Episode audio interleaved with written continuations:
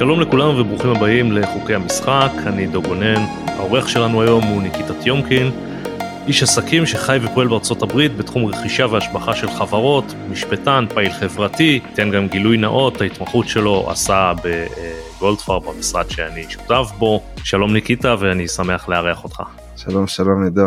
בוא תאמר לנו בכמה מילים מה, מה הפעילות שלך היום, במה אתה עוסק, מה, מה זה אומר באמת הנושא הזה של אה, רכישה והבראה של חברות בארצות הברית. קודם כל אני אשמח להתחיל מזה שזה כבוד גדול לשבת פה. אני מאוד מאוד אוהב אותך באופן אישי. כבר אה, יש לנו מערכת יחסים של אה, שלוש שנים אפילו יותר ארבע שנים וזה כיף גדול. והפעילות שלנו בארצות הברית יש לנו חברת השקעות. אנחנו רוכשים מפעלים בנישות שונות אבל האינדוסטרי המרכזי שלנו הוא ג'וב שופ זה מפעלים שלא מייצרים אה, פס ייצור של מוצר אחד או שני מוצרים זה כל פעם לקוח אחר מגיע ומנסה לייצר איזשהו מוצר ספציפי של כמה יחידות. זה סוג המפעלים שאתה לא יכול להעביר אותם לסין לא להודו לא למקומות כאלו. תמיד צריך את המפעלים האלו באזור מקומי איפה שיש הרבה פעילות עסקית מסחרית. וזה הנישה שלנו. אנחנו פתחנו לפני שנה את, ה, את החברה שלנו חברת ההשקעות גייסנו משקיעים אה, עשינו הרבה עבודה בנינו צוות מדהים של אנשי מקצוע אנשים מאוד מקצועיים בתחום המניפקצ'רינג ויצאנו לרכישות עכשיו השלמנו את הרכישה הראשונה שלנו של אה, מפעל שמייצר מוצרים דקורטיביים מעץ ומברזל הייתה עסקה מאוד מאוד מעניינת. אנחנו נגיע עוד מעט לעסקאות שעשיתם ואיך בדיוק זה התפתח ואיך הגעתם לזה אבל אני רוצה לקחת אותך אחורה כי אני אולי בניגוד למאזינים טיפה מכיר את סיפור החיים שלך שהוא מאוד מעניין אפשר ללמוד ממנו גם הרבה אה, כמו שבטח שומעים שאתה מדבר לא נולדת בארץ. כן ממש כך. עלית לארץ מרוסיה נכון? נכון נולדתי ב-92 בוולגוגרד מה שיותר אנשים מכירים בתור סטלינגרד ועליתי בגיל 6 לבאר שבע.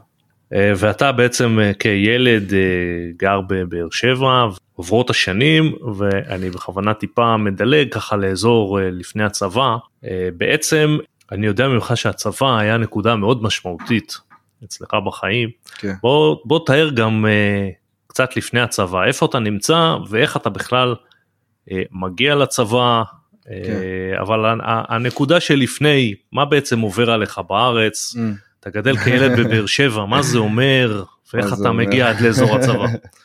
מה זה אומר לגדול בתור ילד בבאר שבע. בתור ילד עולה חדש, כמו שאתה היית. כן, חוויה בלתי נשכחת, אני אקרא לזה כך. לא, הילדות הייתה מורכבת, הילדות הייתה באמת מורכבת, עלינו ב-98 לארץ, הייתה גזענות מטורפת. הייתי בטוח שהתרגום של ניקיטה בעברית זה רוסי מסריח, לא, לא הבנתי שבהתחלה זה, שזה קללה אפילו.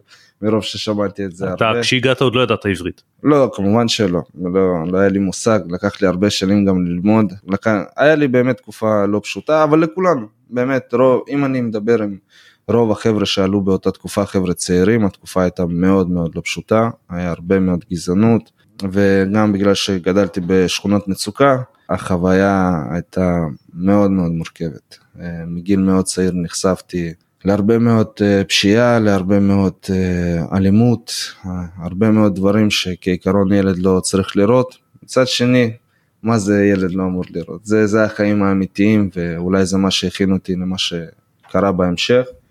ומגיל מאוד צעיר אה, נהייתי מוכר למשטרה, עם, ה, עם השנים גדלתי שם. מה זה, מה זה גיל מאוד צעיר? 12. מגיל 12 לפחות פעם בשנה היו עוצרים אותי על, ש... על שלל אה, האשמות שונות כאלו ואחרות. תודה לאל עד גיל 14 אין, אין כמעט מה לעשות איתך. ובערך מגיל 15 מצאתי את עצמי במערכת uh, המשפט, uh, נשפט בתור קטין עד uh, כמעט גיל 19. היה קשה, היה מאוד קשה. אחד הדברים שהצילו אותי זה, זה האגרוף. היה לנו מועדון של נוער בסיכון בשכונה לידי, שהיה לוקח ילדים בחינם, המקום הזה נתן לי משמעות מטורף. אז בוא, בוא רגע נתעכב על זה, אתה מתחיל עם האגרוף, אולי אני אגיד מה שהמאזינים לא יודעים, אתה הגעת להיות אלוף הארץ באגרוף, כן. אתה מגיע, אין לך איזה רקע קודם, אתה ילד, מגיע למועדון כזה של אגרוף, אתה אומר שזה עבורך מאוד משמעותי, בוא, בוא ננסה לתאר כן. מה זה אומר מה, מה פה המשמעות, איך, מה, מה זה נותן לך בתור ילד אה, שמגיע למועדון אגרוף? משמעות ספורט, במיוחד ספורט כמו אמנויות לחימה, זה, ואם הוא תחרותי, זה מיקרו-קוסמוס של העולם. זה, משקף, זה נותן לך כלים לחיים עצמם, כי זה משקף בצורה מאוד מרוכזת, קצרה בזמן, איך החיים באמת בנויים. אתה מגיע, יש לך אפס יכולת, אתה נכנס לזירה ושוברים אותך. ומה שאמרת לי בהתחלה, שללא ניסיון, היה לי ניסיון. אני ילד שגדל בשכונה לא פשוטה, אני רבתי אתה אומר אגרוף לא לפי כללים, אבל... לא לפי כללים, אבל אני לא, לא באתי לשם בשוק, נגיד את זה ככה. אבל איך שנכנסתי לזירה, הענישו אותי. כי אני חשבתי שאני יודע משהו מהחיים שלי, ויש אנשים שבעשר לבלים מעליי הענישו אותי, מצ... הבנתי איפה המקום שלי בשרשרת, והתחלתי להתנהג בהתאם, התחלתי להתאמן קשה. רגע, התחל... בוא, בוא רגע נעצור, כן. כשאתה אומר דבר כזה המשמעות בעצם שהם היו יותר חזקים ממך או שהם לימדו אותך שחייבים להתאגרף לפי כללים? הכוח זה לא מה שמשנה, okay. זה אוקיי. החשיבה, זה היכולת שלך, זה ההתמדה, זה המשחק ה... של האגרוף זה שחמט, זה לא, זה לא מכות, זה לא קרב שאתה נכנס אליו ויהיה מה שיהיה, זה, זה משחק מאוד מאוד מתוחכם וכמה שאתה עולה יותר ברמות, אני אגיד לך בערך בגיל 15 כבר היו, היו לי קרבות שהייתי נלחם, כמעט לא הייתי מסתכל על, ה, על האופוננט שלי, כי אני יודע בדיוק מה הוא הולך לעשות. אני אחרי סיבוב ראשון אני כבר מבין איך הוא עובד, מה הוא עושה, מה הטעויות שלו, ואז כבר משחק בשבילך. ו- ובהתחלה זה היה הפוך, שעשו את זה לך. בהתחלה, וואו, אלוהים ישמור, כמה הייתי מוצא את עצמי על הרצפה. יש, יש מכה לכבד, ש... אחרי המכה הזאת כל האוויר שלך יוצא מהגוף. לא משנה כמה גדול אתה, כמה חזק אתה, ברגע שאתה מקבל לשם מכה, אתה נופל. אני קיבלתי נראה לי אלפיים מכות כאלה, אני מצאתי את עצמי על הרצפה כל כך הרבה זמן, אבל הדבר המדהים שבזה, אני אחרי כמה שנים התחלתי לקחת אחריות, התחלתי לרוץ, התחלתי להתאמן, התחלתי להשקיע את כל הזמן שלי. עכשיו זה מועדון חינמי, אבל היינו מתאמנים ארבעה פעמים בשבוע, שלוש שעות כל אימון, ולפני תחרויות היינו מתאמנים כל בוקר גם בנוסף. אז היה יוצא מצב שהייתי מתאמן תשע פעמים בשבוע, וזה מביא אותך לרמה אחרת של התפתחות. זה לימד אותי משהו על החיים, זה לימד אותי ברגע שאני משקיע את כל כולי למטרה, אני מצליח. אני אפול, אני אכשל, יהיה לי קשה, יהיה לי כואב, אני אשלם את המחיר של לא לצאת עם חברים שלי, לא לצאת למסיבות, לא לעשות שטויות ברחוב, אבל אני אגיע למטרה שלי, וזה בין השיעורים הכי חשובים שלמדתי באגרוף, ואני מאמין מאוד שזה מה שעזר לי לצאת מהכיוון הראשוני שהייתי איתו בחיים בהתחלה. בוא נתקדם אנחנו שומעים אתה מדבר כרגע בגיל העשרה פחות או יותר כן הכל בסדר בשלב ההוא בכלל היה לך מחשבות על, על להתגייס לצה"ל או שממש לא. לא, לא, אף אחד, לא ראיתי חיילים בשכונה שלי, אף אחד לא התגייס לצה"ל, לאף אחד זה לא עניין. זרקתי פעם אחת שאני רוצה להיות אה, לוחם או משהו כזה, ואז אמרו לי, מה אתה פראייר? זה, זה המשפט... בשכ... בשכונה אתה מדבר. בשכונה, כן, כמובן. וזה משהו שהיה פחות נהוג, רוב החבר'ה היו עם פטור מצה"ל, אפילו לא הלכו ללשכת גיוס, אז זה פחות משהו שחשבתי עליו. אז, אז מה גרם לך בעצם בכלל לשנות את דעתך ולרצות להתגייס? אה, מה גרם לי? אה, זה דבר מאוד גדול. בערך בגיל 16 אה, אמי עזבה את הבית, נשארתי לבד עם אבא. אבא היה חולה סרטן באותו הזמן, ונשארתי איתו לבד, עברנו תקופה יחסית קשה ביחד, הוא לא היה עובד, היו קצת בעיות כלכליות, אבל אני כבר התחלתי לעבוד. אני, בכללי אני עובד בערך מגיל 12. ועברנו את התקופה הזאת והוא החליט שהוא רוצה לעבור למקום חדש ולהקים משפחה חדשה. ואז נשארתי לבד, בערך מגיל 17 אני גר, קצת לפני 17 אני גר לגמרי לבד, ואז נכנסתי ליותר ויותר בעיות. הפסקתי להתאמן והתחלתי להיכנס להמון המון בעיות בשכונה ובסוף הגעתי לכלא באר שבע. זה היה המומנט הכי נמוך בחיים שלי וזה היה המומנט הכי טוב בחיים שלי. כי שם נפקחו עיניי, הגעתי לתא, אני יושב, אני רואה מה שהולך מסביבי, אני רואה שבשורה הזאת שיש הרבה תאים יושבים מלא חבר'ה מהשכונה שלי, ואני מבין, ככה יראו חיים שלי. ותמיד ידעתי מגיל צעיר שאני לא הולך להגיע עד גיל 30. לא האמנתי שאני יכול להגיע עד גיל 30, הרבה חבר'ה שהתאמנו איתי במועדון האגרוף, שתיים מהם נרצחו, אחד נשאר בכיסא גלגלים, הרבה אנשים שהכרתי קיבלו דקירות, אחד יושב מאסר עולם. כל העולם מסביבך, עולם של משבר, של כלא, של עצב, של משפחות שבורות, ואתה מתחיל להאמין בסיפור הזה. וכשהגעתי לשם, הפסקתי להאמין. אמרתי, אני לא הולך יותר עם התסריט הזה, ואני רוצה לשנות את חיי. אני רוצה לעשות איזשהו שינוי. עוד לא באמת הבנתי מה השינוי. Mm-hmm. ואז, uh, תודה לאל, השופט לנוער הוציא אותי למעצר בית, והגעתי לכפר סבא, לאחותי, למקום נקי, וצוחצח, אנשים מחייכים אחד לשני, מטיילים עם הכלבים שלהם, אומרים אחד לשני, שלום, שלום. ואני בכל הסרט הזה, בחור צעיר, שאני אף פעם לא ראיתי משהו כזה. זה היה לי מוזר, ואמרתי, אני רוצה להיות חלק מהמדינה הזאת, אני לא רוצה לחזור לשם יותר. אני לא רוצה להתעורר בבוקר בפחד ולא לדעת איך אני אסיים את היום. החלטתי שאני מתחיל לעשות את הדברים שאמרו לי לא לעשות. אז אמרו לי לא להתגייס לצה"ל, אמרתי אני כן רוצה להתגייס לצה"ל. כי אני יודע שכל החבר'ה שלי, כל האנשים מסביבי, כמעט אף אחד לא רצה להתגייס. אז uh, כמובן כבר היה לי פטור מהצבא, הצבא לא רצה אותי, ונלחמתי.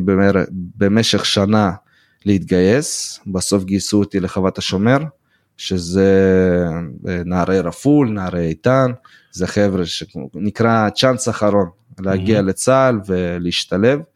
ואני קפצתי על הצ'אנס הזה, בהתחלה היה מאוד קשה, סגרתי את כל השבתות. למרות שהחלטת ללכת למסלול הזה הוא לא היה קל.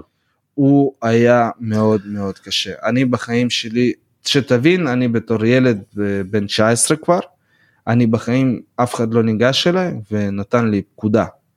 ברור. פקודה. ושם, ושם זה בדיוק הפוך. ושם המשמעת יותר יותר קשה מאשר uh, ביחידה קרבית. המשמעת שם אחד הקשות בצה"ל וזה האתגר שלך. אם ברור. אתה לא מצליח להתמודד עם חוות השומר, אין לך מה לעשות בצה"ל. אתה לא, זאת מי שלא מצליח להתמודד עם זה שם לא ממשיך. לא ממשיך. יש לך, אתה יכול לעשות עד ארבעה טירונויות, נותנים לך צ'אנס אחרי צ'אנס אחרי צ'אנס, אבל לא מעבירים אותך. אם אתה לא עומד בסטנדרטים, לא מעבירים אותך. ואם לא עמדת בזה מעיפים אותך הביתה. אז אתה נמצא שם mm-hmm. וקשה לך מאוד מבחינה של משמעת אז איך mm-hmm. אתה בכל זאת מסיים? איך אני בכל זאת מסיים אז uh, אני לא הלך לי טוב בהתחלה על מבחינת השטח אין, אין מה בכלל לדבר אני הכי טוב אני בן אדם בכושר שיא אני אלוף הארץ באגרוף אני יכול מבחינת כושר מבחינת היכולת שלי בשטח היא ברמה אחרת מעל כולם מבחינת משמעת אני מאוד מאוד בעייתי. סגרתי את כל השבתות, יצאתי פעם אחת הביתה, זה חודשיים וחצי, ולקראת הסוף אמרו לי, תשמע, לא ש... ואני כל הזמן אומר להם, אני רוצה להיות לוחם, אני רוצה להיות לוחם. אתה לא מחובר עם המציאות, אתה, אתה ילד אבוד, אתה נער אבוד. ואמרו לי, עזוב שאתה לא תהיה לוחם, אנחנו רוב הסיכויים נעיף אותך מצה"ל. ואתה מבין את זה בשלב ההוא מה רוצים ממך, או שאתה לא מבין בכלל למה? אני מבין הכל, אבל האגו שלך הוא כל כך גורם מרכזי בתור, בתור האישיות שלך, הכל בנוי סביב זה, הכל בנוי איך האוכלוסייה מסביבך רואה אותך ואיך אתה מרגיש בפנים, האם נזרק לך עלבון, האם מסתכלים עליך בצורה כזאת או אחרת, אתה כל כך, זה כבר ניתוח פסיכולוגי לגמרי, אבל אתה כל כך פגיע בתור בן אדם, אתה כל כך לא מודע לכוח האישי שלך וליכולת האישית שלך, שאתה כל הזמן צריך תמיכה מבחוץ. ואז כל פעם שמישהו פונה אליך בצורה לא מכבדת או משהו כזה, אתה נפגע כי האישיות שלך נפגעת. כשאתה בן אדם חזק, עידו, אם אני, אתה עם מה שאתה עשית עכשיו בכל החיים שלך, אתה מודע למי אתה.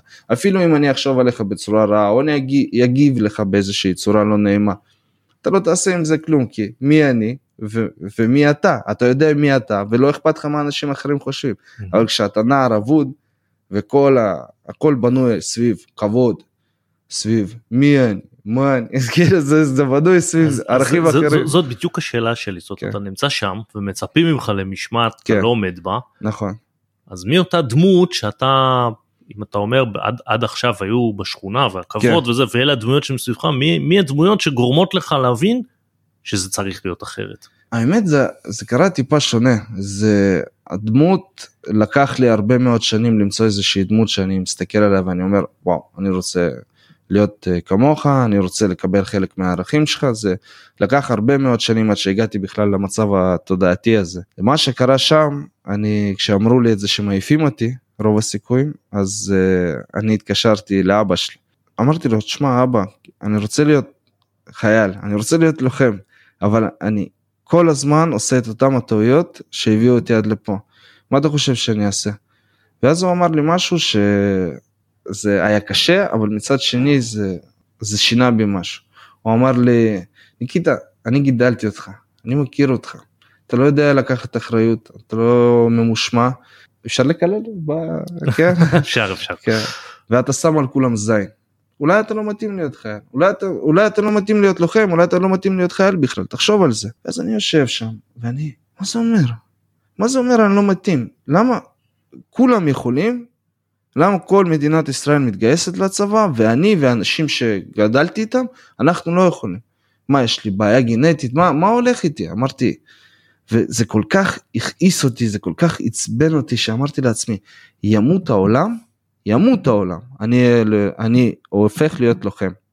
הגעתי לקצין מיון, זה מי שמגדיר איפה אתה תהיה mm-hmm. בצבא, אמרתי לו, תשלח אותי לכל בסיס קרבי, אני לג'וב, אני אגיע לבד להיות לוחם. הוא אמר לי גבעתי, אמרתי גבעתי.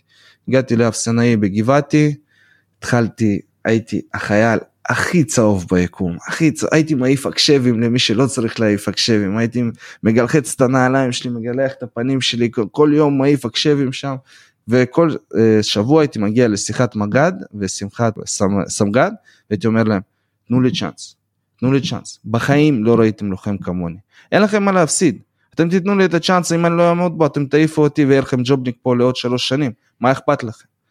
ואחרי ארבעה חודשים, חמישה חודשים, הם נשברו ממני, קיבלתי את הצ'אנס, התגייסתי לגדוד סבר גבעתי, התחלתי את הטירונות מחדש, כל השאר זה היסטוריה. משם הייתי לוחם מצטיין בכל, בכל מקום שהייתי בו, סיימתי את הטירונות בתור מצטיין, סיימתי את המסלול בתור מצטיין, הגעתי להיות מפקד במסייעת, הייתי מפקד מצטיין במסייעת, לאחר מכן סמל בפלחוד, סמל מצטיין בפלחוד, הובלתי הובלתי דברים מאוד מאוד מעניינים בצבא, יצא לי לעשות תפקידים, מעצרים, פעילויות שאני מאוד גאה בהם. הובלתי חיילים לקרב בצוק איתן, וזה חוויות מדהימות שילכו איתי כל החיים. בוא נתעכב על נקודה אחרת שהייתה, תגיד לי אתה אם לפני או אחרי, וזה הנושא של החוק שתרמת להעביר בנושא של מחיקת רישום פלילי כן. לנוער בסיכון. בוא בוא ספר לנו איך זה קרה ו, ובאיזה שלב ואיך השתלבת בו או, אה, או הובלת את העניין הזה. זה קרה בעקבות אה, משהו מעניין. אני, אני אתחיל קצת מההתחלה מהסוף השירות שלי בצבא. אז אני הייתי כבר בחופשה בחפשש והתחיל צוק איתן. ואני לא יכלתי לשבת מהצד. זה היה לי מאוד קשה להבין שעוד רגע החבר'ה שלי נכנסים לעזה ואני יושב בבית. התקשרתי למפקד שלי, אמרתי לו אני חוזר, זו הייתה שיחה מאוד מאוד מצחיקה, לא, לא אכנס לפרטים, אבל הוא אמר לי בגדול שהנשק כבר מחכה לי. חזרתי אה, עם חבר שלי טוב, אה, ולרה, אחד הצלפים הכי טובים בחטיבת גבעתי, והתנדבנו לחזור. נכנסנו למבצע, סיימנו את המבצע. אחרי שבועיים אני כבר אה, הלכתי להשלים בגרויות. אחרי שבועיים נכנסתי לכיתה, שוק של חיי זה היה לפני רגע הייתי במלחמה ופתאום אני יושב בכיתה לומד ספרות אבל הייתי חייב להשלים את הבגרויות כדי אה, להתחיל ללמוד אה, כאילו להיכנס לאקדמיה. אה, זהו לקח לי חצי שנה עבדתי מאוד קשה השלמתי הכל עשיתי מכינה קדם אקדמאית אחרי זה במכלל המינהל וגם מאוד מאוד קשה. ש, שתבין אני יצאתי עם קרוא וכתוב של מהצבא יצאתי עם קרוא וכתוב של ילד בכיתה ז'. כאילו, זה, זה הייתה רמת הקרוא וכתוב mm-hmm. שלי בעברית. היה לי מאוד קשה. היה לי ממש ממש קשה, הייתי קורא כל פסק דין, הייתי קורא פסקי דין, נתחיל מזה, נתחיל, לא הייתי קורא סיכומים, הייתי קורא את הפסקי דין עצמם. שאתה עדיין לא בלימודי משפטים בשלב לא, זה מכינה קדם אקדמאית, אז אתה כבר עושה כמה קורסים במשפטים. אה, הבנתי. ואם הבנתי. אתה עובר אותם בציון גבוה, אז אתה מתקבל. ואיך אתה מגיע לנושא של החוק הזה של מחיקת עבר פלילי ל... אז שם אחרי שהתקבלתי, אז היה שם פרויקט, אה, יש שם כל מיני פרויקטים חברתיים כאלו ואחרים, אז אני התקבלתי לפרויקט גל, וזה פרויקט שמקדם יוזמה חברתית דרך כלים משפטיים על ידי סטודנטים למשפטים. ואני אמרתי להם, תשמעו חבר'ה, יש מנגנון למחיקת עבר פלילי בתוך הצבא, שאף אחד לא יודע אותו, אף אחד. כאילו, החיילים עצמם שצריכים וזקוקים לחוק הזה, לאופציה הזאת, הם לא מכירים בו. ואני הצאתי להם אה, לקדם חקיקה שמחייב את צה"ל להודיע לכל החיילים עם עבר פלילי, שיש להם את האופציה ומה הקריטריונים. כי אם אתה לא יודע מה הקריטריונים, אני אגיד לך, למשל, ש, שתבין את הסיטואציה. בכל השירות שלך לא יכול להיות לך יותר משישה משפטים בתוך הצבא. Mm-hmm. אבל אני מזכיר לכולם, כי בטח אנשים כבר שכחו מה זה צבא, איבדת מימייה, משפט, איבדת כומתה, משפט. אז זה דברים שאתה צריך להבין מראש, אתה צריך לדעת שאתה עומד בקריטריונים האלו כדי לקבל את האופציה הזאת, כי זה אופציה מדהימה, זה אנשים ששירתו לפעמים בתור לוחמים שלוש שנים, והם יוצאים לאזרחות והם אפילו לא יכולים להיות מאבטחים בסופר, כי מבחינת החוק הם נחשבים עבריינים. אבל לפני רגע הוא נלחם אולי בעזה והוא. ואם הם עומדים בקריטריונים פשוט נמחק להם כל העבר אה, הפלילי? תראה צה"ל זה עובד יותר מסובך מזה. אה, יש ועדה, הם מעלים אותך לוועדה והם נותנים חוות דעת. קצין חינוך ראשי נותן חוות דעת לנשיא, כי לנשיא יש הזכות היחידה לתת חנינה זה של הנשיא. אתה מקבל את החנינה, כאילו 99.9 אחוז אתה מקבל את החנינה אם קצין החינוך הראשי נתן עליך חוות דעת אה, חיובית. אני והצוות שלי הוצאנו מידע מדובר צה"ל, קיבלנו מידע כמה אנשים התגייסו עם עבר פלילי בעשר שנים האחרונות, כמה מתוכם ניצלו את האופציה, הגישו את הבקשה למחיקת עבר פלילי וכמה מתוכם קיבלו. והמספרים היו מזעזעים, מזעזעים, אני מדבר איתך מתוך בערך 1,600 מתגייסים כל שנה עם עבר פלילי, וכשאני אומר עבר פלילי אני מדבר נגיד אין שם עבירות מין, אין, אנשים כאלו לא מגייסים אותם לצה"ל. אני מדבר על ילדים בשכונה שעשו טעות בגיל 15, בגיל 16, על אנשים שמגיע להם, מגיע להם זכות... לשיקום. נכון, זכות לשיקום. במיוחד אם הם עמדו בכל הקריטריונים הבאמת מוקשים של הצבא. המספרים היו מזעזעים, אני מדבר איתך מתוך 1,600, אולי, אולי 50 היו מגישים את הבקשה. ו... אה, כשאתה לא מבקש את הבקשה ואתה יוצא עם העבר הפלילי שלך, אנחנו מדברים על בערך 50 מקצועות שונים שסגורים בפניך. ואיך אתה בעצם, אה, אוקיי, קיבלת את המידע, איך אתה מקדם את הדבר הזה? אה, איך אני מקדם? אז בניתי ממש דוח מאוד מאוד מפורט של איזה עשרה עמודים, מה היה, איך זה נבנה, אה, מה הסטטיסטיקה אומרת, מה אנחנו יכולים לשנות, איך זה פוגע באוכלוסייה, אה, מחקרים, אתה יודע, סטטיסטיקה מבחינת איך האנשים האלו אחרי זה מסתחרים באזרחות, איך הולך להם בשוק העבודה. ובאתי עם המכתב הזה, עם הדוח הזה, לפרופסור ענת ברקו, שהייתה אה, חברת כנסת בליכוד, דוקטור ענת ברקו. אני מצטער לא פרופסור אני לא יכול להיות שגם זה וגם זה אני לא בטוח. אוקיי.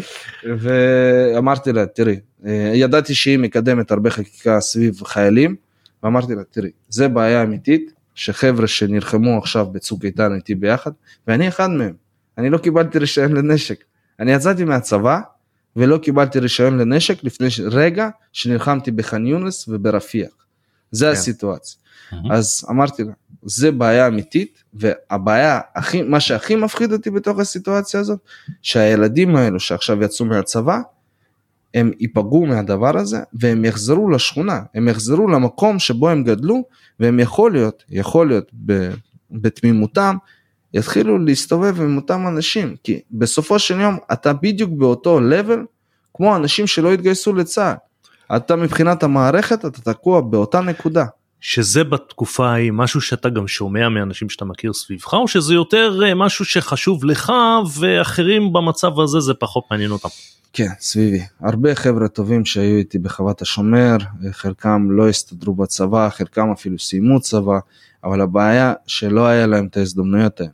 לא הם, חלקם לא היו לוחמים רק נגיד מהפלוגה שלי היה 100 איש היה שלושה לוחמים ואני המפקד היחידי אנשים לא לקחו את האחריות הזאת, לא נכנסו לנעליים האלו, אבל עדיין הם קיבלו מספיק כלים מהצבא כדי לא לחזור לשכונה שלהם, כדי לא לשבת עם אותם אנשים שכל השנים האלו ישבו, עישנו בנגים ובזבזו את החיים שלהם. הכלי שהיה בעצם חסר להם בשביל להתקדם לעבודה נורמלית זה המחיקה של העבר הפלילי. נכון. ואתה מגיע לדוקטור ענת ברקו ואיך זה, איך זה ממשיך מפה? זאת אומרת, היא מיד לקחה את זה או... כן, או... כן, ואני אגיד לזכותה, היא הייתה מדהימה, מדהימה, מדהימה. ברגע שהיא שמעה על הבעיה הזאת, היא רצתה לפתור אותה, היא התחילה לקדם את זה, היא ביקשה ממני ללכת לכל מיני רעיונות ברדיו, בטלוויזיה, ולהסביר איך זה משפיע על אותם הנערים. שנה וחצי לקח לנו, שנה וחצי שהייתי קופץ מדי פעם לכנסת, הייתי הולך לרעיונות, הייתי מקדם את זה בכל דרך אפשרית. אני אגיד לך, הייתי בן 24 כשזה קרה,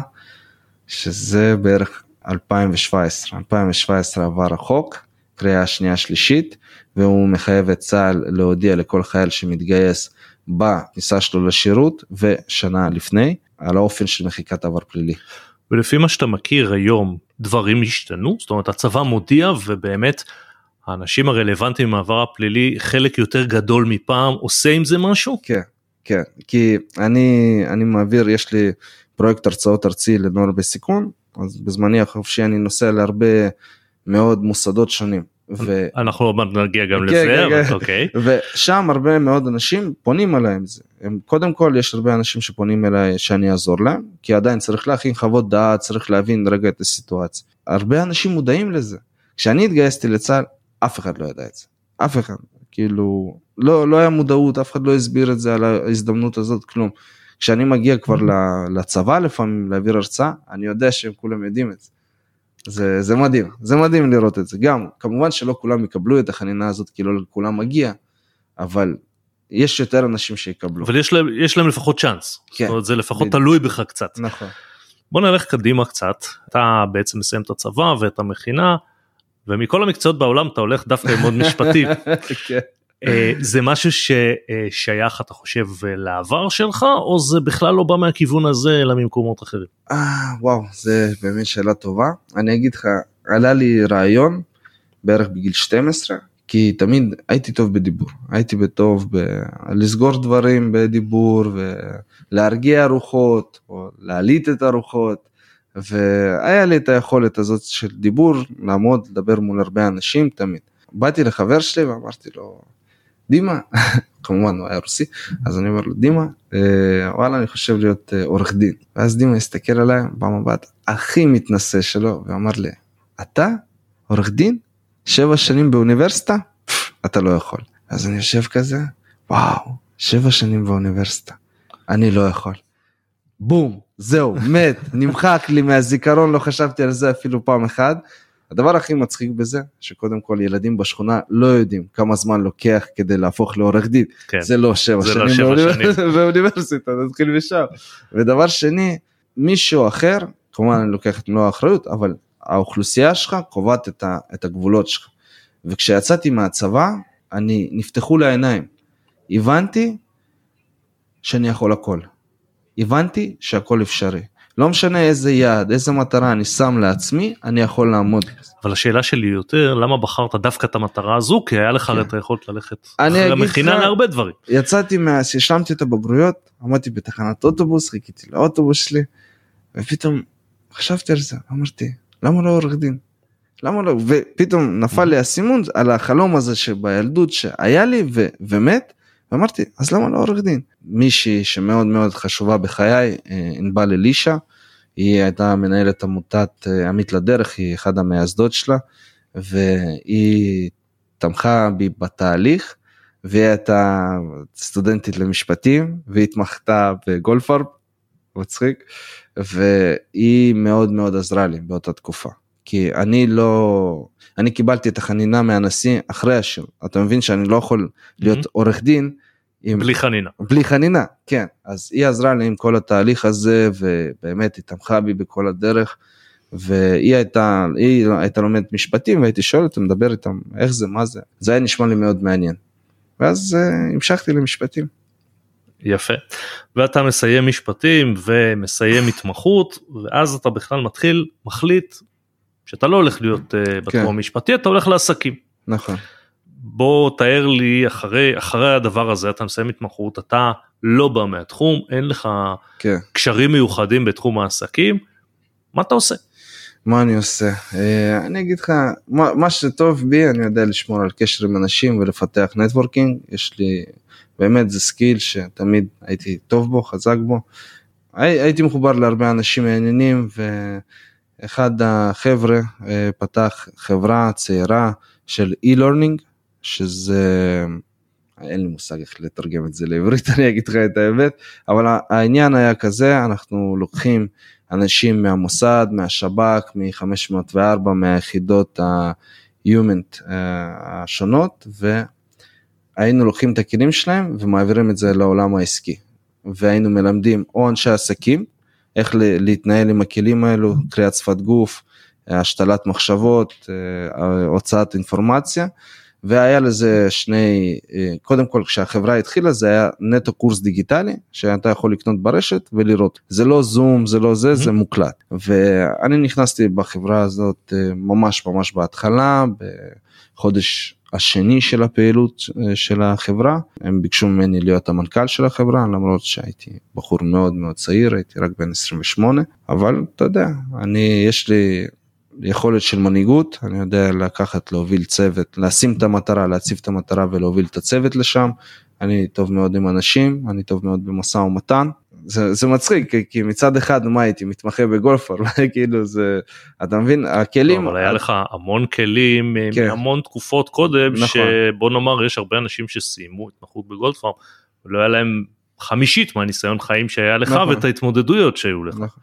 וגם אני כל הזמן לקחתי את הצ'לנג' אחד הדברים שהייתי בתור מתמחה בגולפארפ אז נסעתי לשבועיים לסין אם אתה זוכר את זה שטסתי עם חבר טוב מאוד שלי חבר ילדות שהוא פתח את המועדון האגרוף הכי גדול בארץ כרגע בבאר שבע. ופשוט טסתי איתו לסגור עסקה בסין, הבאנו שני קונטיינרים, ישבנו שם, ניהלנו משא ומתן עם סינים, היינו במפעלים, סוואטשופס, מפחידים באמצע שום מקום. חוויה, אני אוהב את החוויה הזאת, האתגר הזה, זה, זה מה שמוביל אותי בחיים, ולקחתי מספיק דברים כאלו, וכל פעם שיכלתי לתת איזשהו ערך לחברים שלי שעושים איזושהי פעילות עסקית, תמיד הייתי נכנס למשא ומתן, הייתי מנהל את הצד המשפטי. ואני אגיד גם את האמת, הרבה בזכותך עדו, היית לוקח אותי פה לעסקאות ענק, ענק שהיינו יושבים ביחד והייתי יושב והייתי מקשיב והייתי מסכם אותם והייתי עושה אחרי זה את העבודה המשפטית ולמדתי המון מהדברים האלו. זה אחד הדברים שמאוד מאוד עזרו לי כשנכנסתי לתפקיד מנכ"ל והתחלתי ליישם את הרעיון שלי, את הפלן שלי לחברה עצמה. ואתה מסיים בעצם, אה, יותר נכון, מחליט לעבור הלאה. בוא נגיע למקום שבו אתה נמצא היום. ממה התחיל הרעיון של בחור ישראלי שהולך לקנות ולהשביח חברות בארצות הברית, כן. לעבור לארצות הברית ואין לך איזה נגיעה קודמת, משהו בעולם העסקים האמריקאי, כן. איך אתה עושה את זה? איך, איך, ממה מתחילים בכלל? מה מתחילים? קודם כל בונים אתר, זה הדבר הראשון. כמו תמיד, כמו בכל חברה, אתה בונה אתר, כאילו אתם חברה כבר מצליחה של שנים.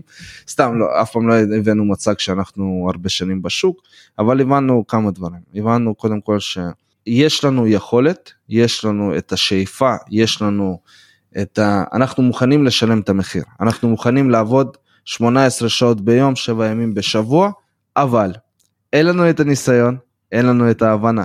אז קודם כל בנינו צוות.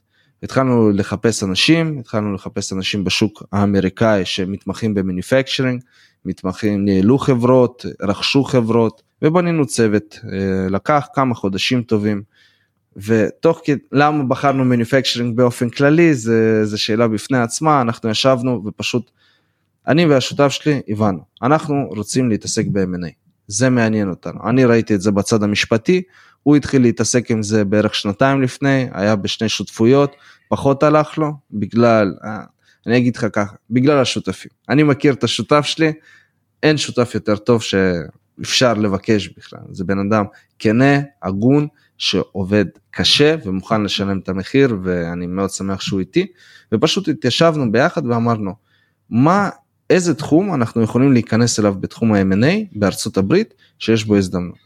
אז קודם כל אה, מצאנו את הנישה של manufacturing, את ה industry של manufacturing, והבנו, רוב הבעלי שליטה בחברות האלו, ואני מדבר על השוק הקטן, אני מדבר מ-500 אלף ב EBITDA, 400 אלף ב EBITDA יותר נכון? בדולרים אתה מדבר. בדולרים כמובן, 400 אלף ב EBITDA עד 1.5 מיליון, זה אנשים, זה עסקים קטנים, משפחתיים, שרוב רובם הם baby boomers, שכל שנה יוצאים מאות אלפי אנשים לפנסיה. ורוב האנשים האלו לא עשו תוכנית יציאה, לא אה, שמו להם כסף בצד, ודבר עוד יותר בעייתי, הצעירים האמריקאים לא רוצים לעבוד במפעל. לא רוצים, הם רוצים להיות עורכי דין, הם רוצים להיות רופאים, הם רוצים לרקוד בטיק טוק ולהריץ כל מיני דברים ברשת החברתית, אבל אנשים לא מוכנים לעבוד קשה. ויש מאות אלפים של מפעלים קטנים בתוך ארצות הברית שהם מתחת לרדאר של private equities. private equities בכלל לא מסתכל על החברות האלה, זה קטן מדי. זה קטן מדי בשביל זה, זה peanuts בשביל. אבל לנו זה הזדמנות מדהימה להיכנס לשוק שהוא ללא תחרות, שאף אחד לא נלחם איתנו ויש לנו את מלוא האופציות שם. אנחנו בנינו system שמאפשר לנו לגשת ל-500 חברות כל שבוע, אנחנו פונים דרך לינקדאין, אימייל ועוד דרכים. חברות שהם לפי המחקר שלנו נמצאים בתוך בסביבה בול, הזאת. בדיוק בפול פארק של 400 אלף באיבידה עד 1.5 וזה מייצר לנו בערך בין 6 ל-12 שיחות בשבוע עם אז בעלי עסק שמעוניינים למכור והם לא בשוק. אין ברוקר אין מישהו שעומד באמצע אין מישהו שסיפר לו שם סיפורים שהחברה שלו שווה עשרות מיליונים או משהו כזה, לא, זה אנשים מציאותיים שאתה יושב ואתה מסביר לו, תשמע, בשלוש שנים האחרונות אתה בנסיגה ברבניו שלך. אתה יש לך כך וכך איבידה או SD, נלך על SD, מה שהשוק מציע בשביל החברה שלך זה מכפלה של שלוש נגיד. לך תבדוק, אני, אני לא מחזיק אותך, אני באמת, אני רוצה לטובתך, אני רוצה לסגור איתך עסקה שאתה יוצא בה מנצח ואני גם מאושר עם, עם חלקי בעסקה. אבל אתה לא תקבל יותר מזה בשוק. תלך לברוקר, הוא יבטיח לך הבטחות, אתה תשלם לו retainer, ואחרי שנתיים אתה תבין שעבדו עליך. ואז אתה תבוא אליי, ואז אתה תביא לי את המחיר שאני רוצה. אז בוא נחסוך את כל הסיטואציה הזאת, ותעשה עכשיו את המחקר שלך, ונמשיך לדבר. ובקיצור, ככה אנחנו הצענו לעצמנו מלא עסקאות. אנחנו, היה לנו pipeline מפוצץ בעסקאות, והבנו, יש לנו צוות, יש לנו עסקאות ויש לנו משקיעים. אנחנו יצאנו לאיזה גיוס באמת קטנטן של 125 אלף דולר, רק לניהול שוטף של האופרציה, למשכורות שלנו, למה שאנחנו צריכים כדי לנהל את החברה.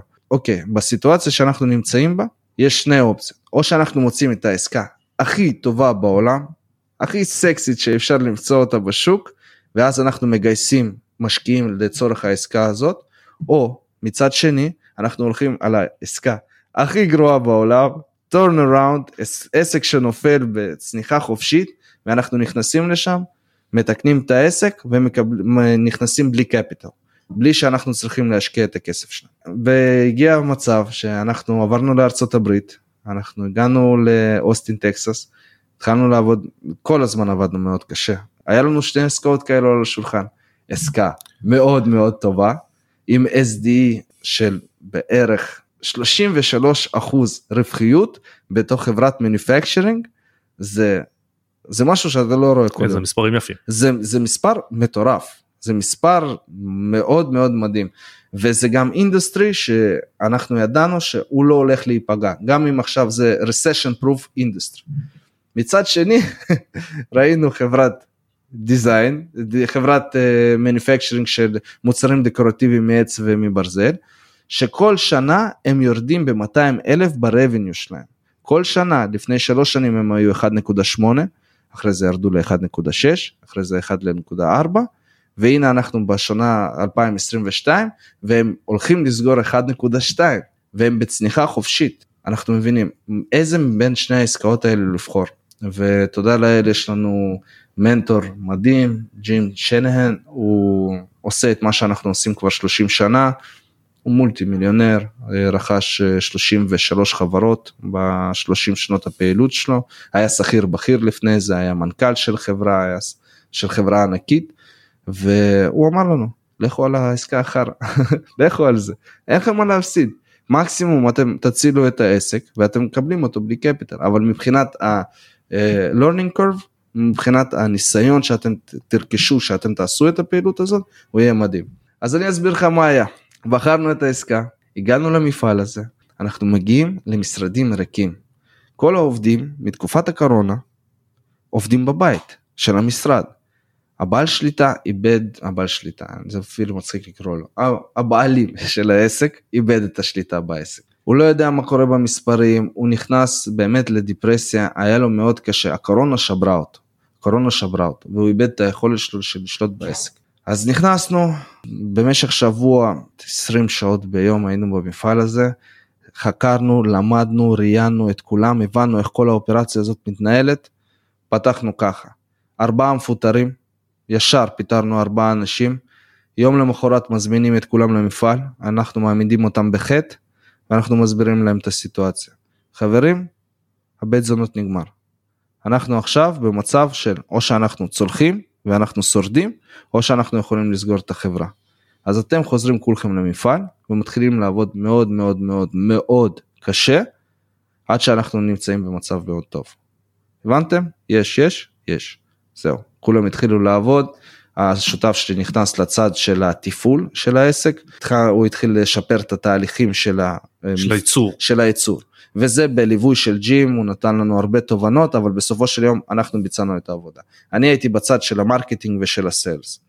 אז אחרי, אני אסביר לכם את הסיטואציה, אחרי חמישה חודשים של פעילות בתוך החברה, אנחנו עשינו 970 אלף דולר ברבניו, בחמישה חודשים. כשהחברה שנה שעברה עשתה... עשתה מיליון 200 בשנה שלמה. עשתה מיליון 200 בשנה שלמה. אנחנו הורדנו את ההוצאות ב-300 אלף דולר, שהברייק איבן שלנו הוא ב-1.2 ולא ב-1.5, ואנחנו כבר מעל היעד שלנו מבחינת uh, השנה הזאת ב-150 אלף דולר, ואנחנו רק בהתחלה. בוא נלך לרגע לדבר שהתחלת, הזכרת אותו קודם, וזה mm-hmm. הנושא של הפעילות שלך בהרצאות. אה, אוקיי. איזה הרצאות אלה ובאיזה מסגרות בעצם אתה נותן אותם? אה, כולם. כל, כל מוסד לנוער בסיכון שיש בארץ הייתי בו. אני מדבר על בתי ספר, פנימיות, חלופות מעצר, כלא אופק, אסירים משוחררים, הכל. ומה המטרה של הרצאה כזאת מבחינתך? המטרה זה קצת תלוי מה המקום הספציפי, אבל כמעט 90% מהפעמים המטרה היא פשוטה. קודם כל, להוות אה, דוגמה אישית, אתה מספר סיפור, אני נכנס לסיפור האישי שלי, אני מדבר בערך 10 דקות, רבע שעה לסיפור האישי שלי, נטו כדי לקבל לגיטימציה, כי האנשים האלו לא מקשיבים לאנשים שלא היו בנעליים שלהם. Mm-hmm. כאילו אתה לא יכול להגיע אשכנזי מרמת אביב ג' לבחור בשכונה ד' ולהתחיל לספר לו אתה חי את החיים שלך לא בצורה נכונה. זה, זה לא אפילו זה לא יבוא אפילו אם אתה אומר את הדברים הכי נכונים בשביל הבחור הזה הוא לא הולך להקשיב לך כי אין לך את הלגיטימציה ללמד אותו חיים. אז אני מתחיל קודם כל בסיפור אישי של לקבל לגיטימציה ומהצד השני זה מתחיל דוגמה אישית כי אני מסביר לו אני ישבתי איפה שאתה יושב אני ישבתי בדיוק בכיסא שאתה יושב בו, והנה אני פה. אני בן אדם חופשי, מוצלח, שמרוויח הרבה מאוד כסף, ואתה יכול להיות שם. זה איזשהו רעיון שאני רוצה להעביר לבן אדם שהופה, זה מעניין. ואז אני מתחיל לדבר על כלים. אני מדבר איתם על מה הם הולכים לעבור בהמשך. איזה אתגרים הם הולכים לעבור בצבא, איזה אתגרים הם הולכים לעבור בשוק החופשי, ואיך ההחלטות שלהם משפיעות על העתיד שלהם. ואז קודם כל אנחנו מנתחים את זה, דרך כל מיני סיפורים, אנקדוטות, צחוקים, זה, זה באמת, זה חוויה, ההרצאה שלי זה בערך שעה, לפעמים שעה וחצי זה גולש עם שאלות, אבל זה, אני מעביר אותם חוויה אמיתית, שהרבה דברים, שככה הכי קל לזכור את הדברים האלה. ובסוף אני עובר לכלים, אני עובר, אומר איזה דברים הם צריכים לעשות, ברמה היומית, ברמה השנתית, ברמה התפיסתית האישית שלהם, איזה שינויים ופעולות אקטיביות שהם צריכים לעשות כדי לשנות את הסיטואציה שלהם בחיים. אתה מעביר את ההרצאות האלה בין היתר במכינות קדם צבאיות. כן, המקום האהוב עליי, מכל המקומות זה באמת. אז אתה מאמין במכינות הקדם צבאיות? מאוד, מאוד. בוא, אני, בוא, אנחנו... בוא תסביר בעצם למה, מה, מה במכינות האלה באמת כל כך תורם ומוצלח. לא, לא שאני ציני, אלא אני כן. פשוט באמת רוצה להבין לא, את לא, זה. לא, לא חשבתי אפילו לרגע שאתה ציני, זה מקום מדהים, זה ההזדמנות, לפי דעתי, אם אתה, אם המטרה שלך לתפוס נער בסיכון, או נערה בסיכון, יש גם מכינות דם צבאיות לנערות, זה הזמן הכי טוב, כי מה, מה קורה המצב? קודם כל זה חבר'ה שהם קרובים לגיל 18, אנחנו מדברים 17, 18, 19, זה הגילאים. רוב האנשים שנמצאים שם זה ללא צו בית משפט. זה אומר שהם הגיעו לשם מרצונם. כמובן יש להם המון דילמות והם עדיין מסתכלים על החיים בצורה הרבה פעמים מעוותת. והם מסתכלים לאחור והם תמיד יכולים ליפול למטה. הם תמיד יכולים לחזור לשכונה, הם תמיד יכולים ללכת לאיזשהו כיוון פחות טוב, מישהו יציע לו, אתה יודע, פייסל, יציע לו זה, רוב הסיכויים שהוא יגיד כן. מגיל 11 הוא מעשן סמים, רוב הסיכויים שהוא יגיד כן.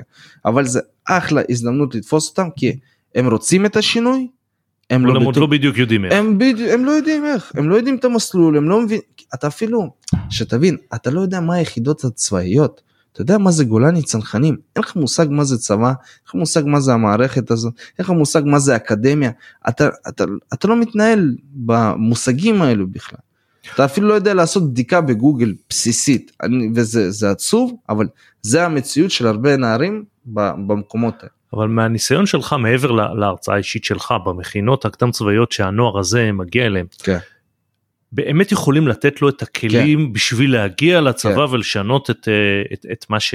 חד את, את משמעית, הדרך? כן. ל- יש מכינות דם צבאיות שנמשכים בין תשעה חודשים לשנה, שזה דרך רצינית מאוד, תחשוב זה בחור, עוד, הוא עוד לא התגייס לצה"ל, רק כדי להתגייס לצה"ל הוא צריך להיות שנה במסגרת שמדמה את הצבא. זה מסעות, זה תרגילים, זה ללכת עם אלונקה, זה להבין איך זה לעבוד בצוות, זה להוריד רגע מהאגו שלך, זה, זה כל מיני תהליכים שכמובן אני לא אגיד שזה מחליף את הצבא, כן? כי בסופו ברור. של יום החוויה הצבאית שיורים עליך בג'נין ואתה צריך לתפעל את האירוע זה, זה, זה א', כן? זה, זה משהו אחר. אבל זה מכין אותך לשם, זה מכין אותך לשינוי הזה שאתה צריך לעבור מבחינה מנטלית כדי שתוכל להסתדר בתוך המערכת.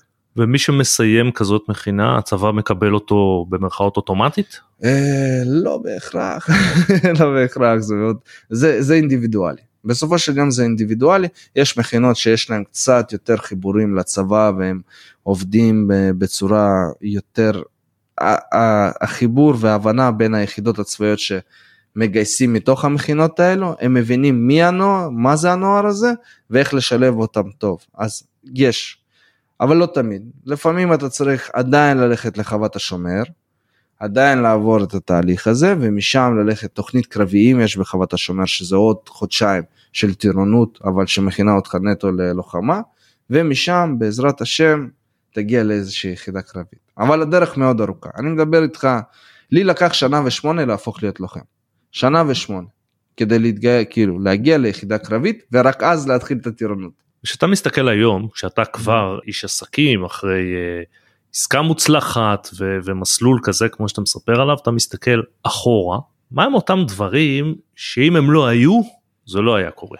שאלה ממש ממש טובה. אגרוף, כמו שאמרתי, מיקרוקוסמוס של העולם, שאתה אתה מבין איך באמת בסוף העולם מתנהל. המחיר שאתה צריך לשלם האישי, הפיזי, המנטלי, כדי להגיע למטרה שלך. אין בית ספר יותר טוב מזה לנער צעיר.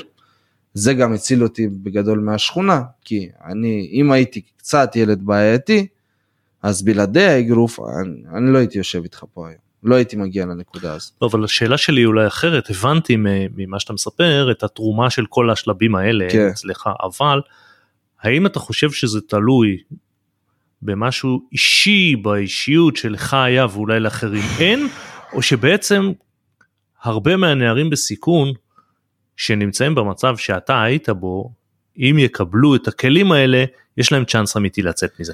וואו, זו שאלה מאוד מאוד קשה. כי אני, אני מבין שבסופו של יום יש כמה דברים גנטיים פה. יש פה, אני לא יכול לעצום עיניים. המשפחה שלי, צד האבא, היהודים, הם היו משפחה מאוד חזקה. הם אנשים היו חזקים פיזית, היה להם ערכים. רובם הושמדו בשואה, סבא שלי השורד היחידי, וגם עצם זה שהוא השורד היחידי, היה לו כוח והיה לו כוח רצון מטורף, מטורף, באמת הדברים שהוא עשה כדי לשרוד, כדי להצליח, והוא היה אחרי זה בן אדם מאוד מצליח בברית המועצות, שזה היה גם לא מובן מאליו, ואני מאמין שכן יש איזשהו פן גנטי, יש איזשהו פן של המסרים שמעבירים לך בילדות, כי למרות זה שהרבה מסרים שליליים היה לי מחוץ לבית, עדיין בבית היה לי אמא ואבא, כמעט רוב הילדות שלי.